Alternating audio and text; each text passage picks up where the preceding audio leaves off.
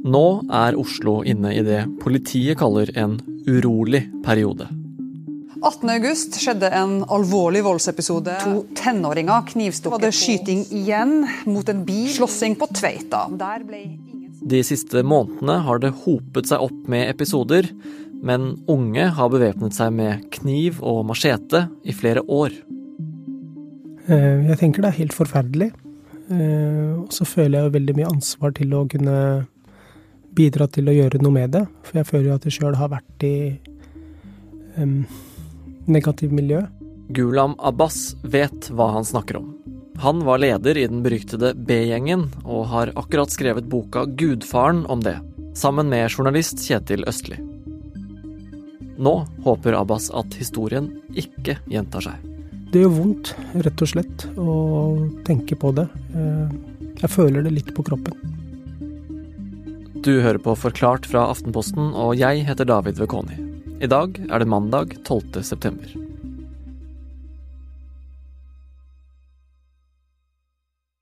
Først og fremst så snakker vi om unge gutter, eh, og eh, de har for lett tilgang til våpen. Kniver spesielt, eh, som noe må gjøres med. Og så tenker jeg at det er viktig også å ha Ikke kalle de for gjenger, tenker jeg er veldig viktig. For det husker jeg på min tid, hvordan eh, vi tok det til oss og vokste inn i det. På 2000-tallet ble Gulam Abbas beskrevet som en av Norges farligste menn. Han var leder i en av de største og farligste forbryterorganisasjonene på den tiden, B-gjengen, som lå i konflikt med A-gjengen og Young Guns. Så når han ser utviklingen i dag, har han nok av egne historier fra 90- og 2000-tallet å sammenligne med. Men det skal vi komme tilbake til. For akkurat nå er det en voldsbølge i Oslo. De siste månedene har det vært et stort antall knivstikkinger, drapsforsøk og skytinger. Oslo-politiet har jo siden juni tvitret 28 ganger om uh, hendelser med kniv, og det er jo bare det de velger selv å gå ut med. Så det har vært en travel tid for politiet, kan vi si. Harald Stolt-Nielsen, eh, krimreporter og Oslo-journalist i Aftenposten. Hva er det som er fellestrekkene i disse episodene? Det vi ser er at eh, det ofte er eh, veldig unge, særlig gutter, som er eh, involvert. Vi ser at det blir tatt i bruk våpen i form av kniv og skytevåpen. For noen uker siden så var det en 18-åring på Stovner som endte opp med å bruke en stor kniv for å beskytte seg, hevder han selv. I den samme uka så var det også to skyteepisoder på Torshov, og det var enda et uh, knivangrep på, uh, på, østkanten i Oslo, oppe i Groruddalen. Uh, vi ser jo at terskelen for vold blant en del av disse er veldig lav, og at man tyr lett til vold. og at dette er noe både politiet og politikerne er bekymret for. Men selv om det har vært mange alvorlige episoder de siste månedene, har Oslo-politiet en god nyhet. Voldsbølgen er et unntak i en ellers positiv trend. De ser nemlig et kraftig fall i antallet unge som regnes som tunge kriminelle. Faktisk er tallet halvert siden 2019. Likevel ser de alvorlig på volden i Oslo nå. For i visse miljøer er det blitt vanlig å gå rundt med kniv eller machete. Noen av disse guttene tar jo med seg kniv fordi de har behov for å føle seg trygg. Eh, enkelte forteller i retten om at eh, det er, en, eh, det er veldig normalt, og det er noe alle gjør. Så for dem så blir det å ta med seg en machete eller en kniv like normalt som om du og jeg skal ta med oss lommeboka eller mobilen. og dette har jo særlig byrådsleder Raymond Johansen vært veldig bekymra for at akkurat dette er blitt en trend, nærmest. Vet vi noe om grunnen til at kniven da kommer frem, når de først har den med? Det kan jo være alt og ingenting. Det kan være mindre konflikter, det kan være kriminelle miljøer. Av og til så er det rykter og drittslenging. I enkelte saker så er det blitt lagt ut videoer i sosiale medier som uh, ungdommene har følt seg ydmyket av og skal ta hevn. Vi ser jo at det er særlig to typer saker der kniv blir brukt, og det er i ransaker og i voldssaker.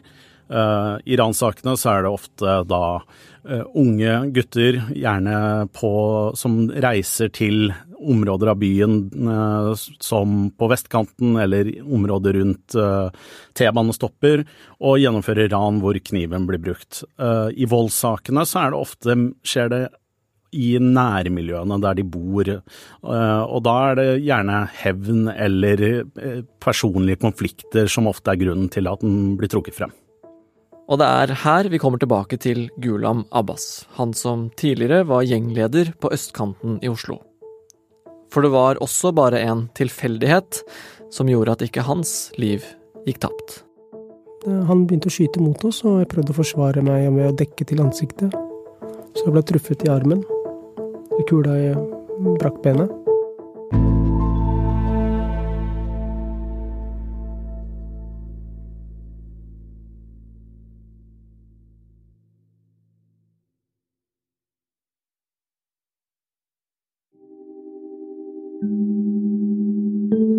Abbas, hvordan havner man i konflikter som ender med at man drar frem en kniv og skader hverandre? Som regel så er det jo eh, noen mangler som har ført til at de er der de er. Og da er det gjerne rusrelatert eller noen uenigheter i form av ære. Mye av kulturen spiller inn, som f.eks. Eh, stadig økt eh, ulikhet, barnefattigdom. Mye av de tingene spiller veldig inn. Gulam Abbas flytta til Furuset øst i Oslo på 90-tallet da han fortsatt var et barn. Jeg fikk jo en sånn velkomst inn til Furuset ved å bli banket opp av en eldre kar. Vi ble mobbet for at det luktet hvitløk og løk og krydder, og, og man blir jo preget av det. Allerede der begynte utenforskapet. Og veien inn i kriminalitet. Det begynte med sånn enkelt tyveri. Eh, kanskje litt sånn uskyldig tyveri. Eh, og så etter hvert så ble det jo at man prøvde rus, ikke sant. Og, eh, og, når man gjorde det, så begynte man å ruse seg, ikke sant. Og når man begynte å ruse seg, så begynte man å selge for å eh, dekke sitt eh, bruk, da. Og så blir det jo til at du plutselig skal begynne å ha litt mer enn eget bruk. Og, så det er jo sånn det liksom bygger sten på sten. Da det blir bare liksom vanskeligere og vanskeligere og verre og verre. Men etter hvert som Abbas jobba seg oppover i næringskjeden, ble han også mer og mer innflytelsesrik. Til slutt endte han opp som en av lederne i B-gjengen. En av norgeshistoriens mest beryktede gjenger.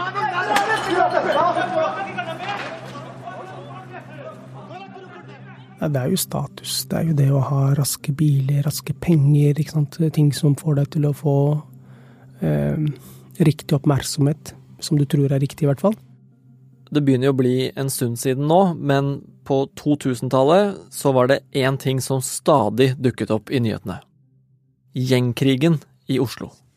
Justisministeren sier at det skal settes i gang en stor aksjon mot gjengkriminaliteten.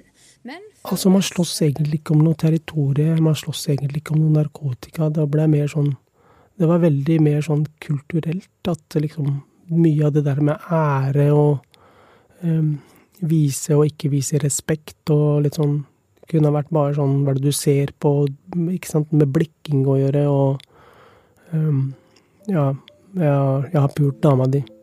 Hva skjer, liksom? Det var nok for at det ble en, eh, startet en konflikt, da. Og konflikten ble jo verre og verre, for at uh, mange mennesker i sånne negative miljøer vokser jo på bygger jo selvtillit på det, og uh, har jo som regel holdninger som ikke er så veldig bra, da, og mye stolthet og mye Så jeg tror det førte til at det bare eskalerte og ble verre og verre.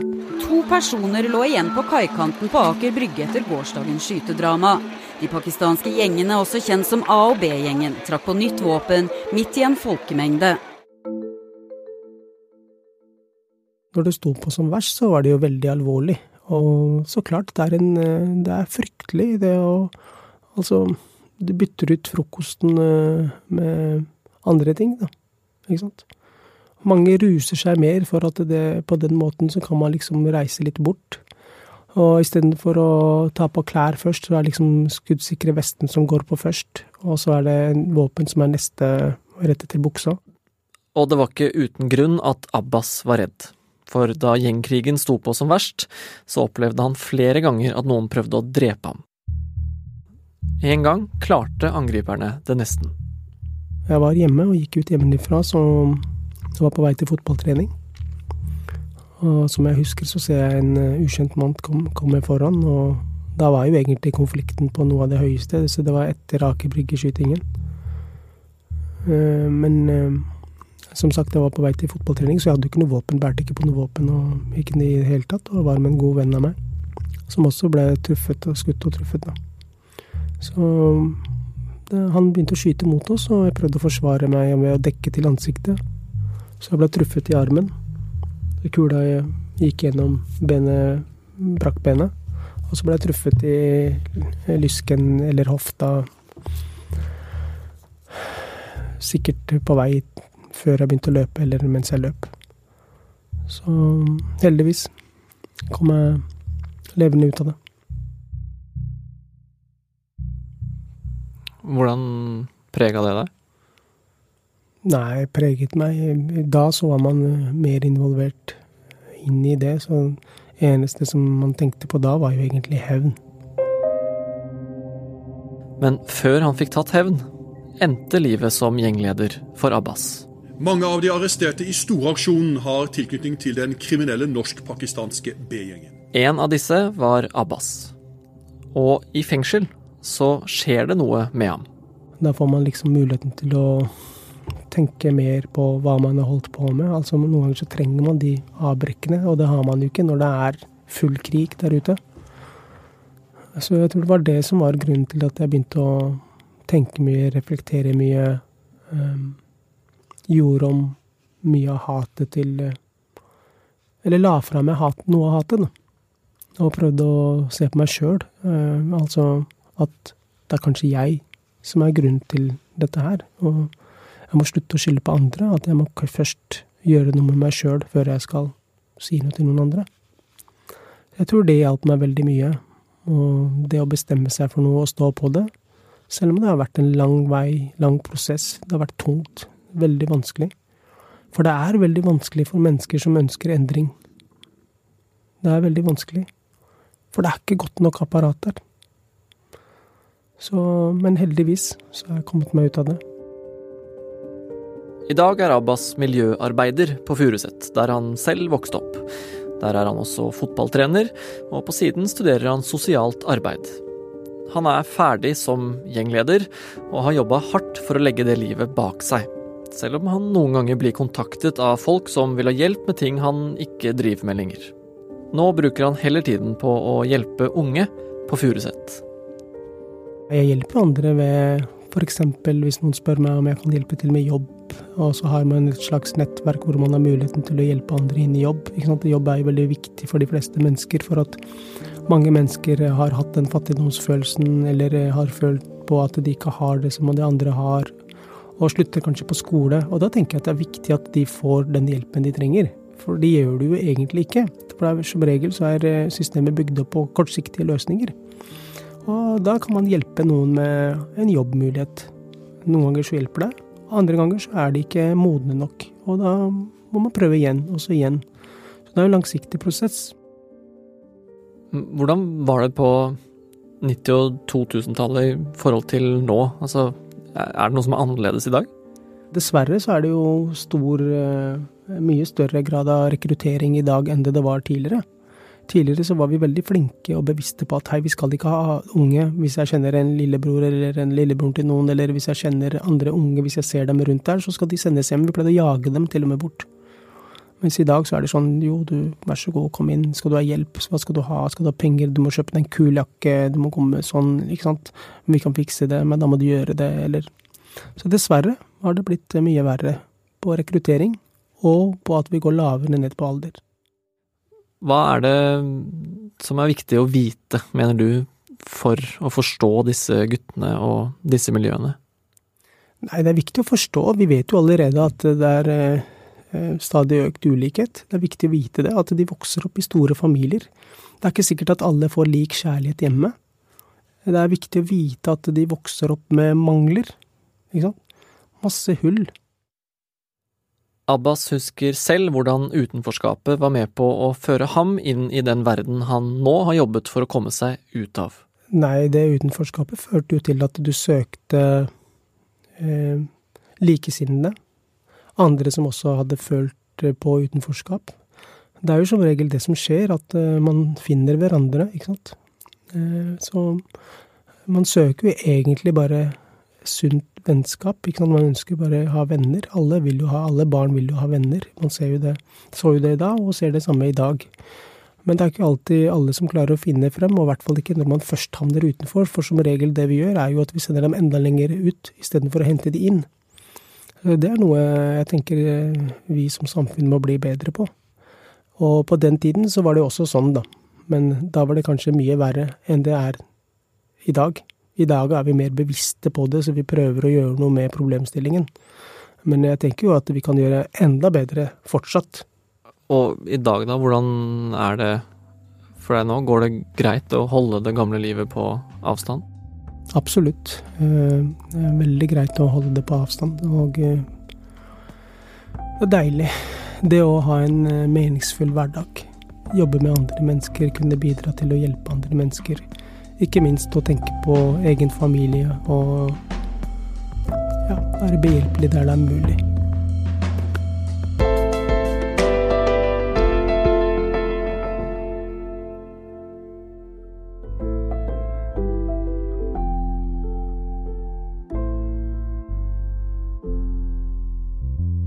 Det var krimreporter Harald Stolt-Nielsen som fortalte om voldsbølgen i Oslo, og Gulam Abbas om hva som kan gjøres. Du har hørt lyd fra VGTV og NRK. Episoden er laget av produsent Jenny Førland og meg, David Vekoni, og resten av Forklart er Anders Weberg, Fride Næss Nonstad, Synne Søhol, Anne Lindholm og Marit Eriksdatter Gjelland. Husk at du finner Forklart der hvor du finner dine podkaster hver ukedag, helt gratis.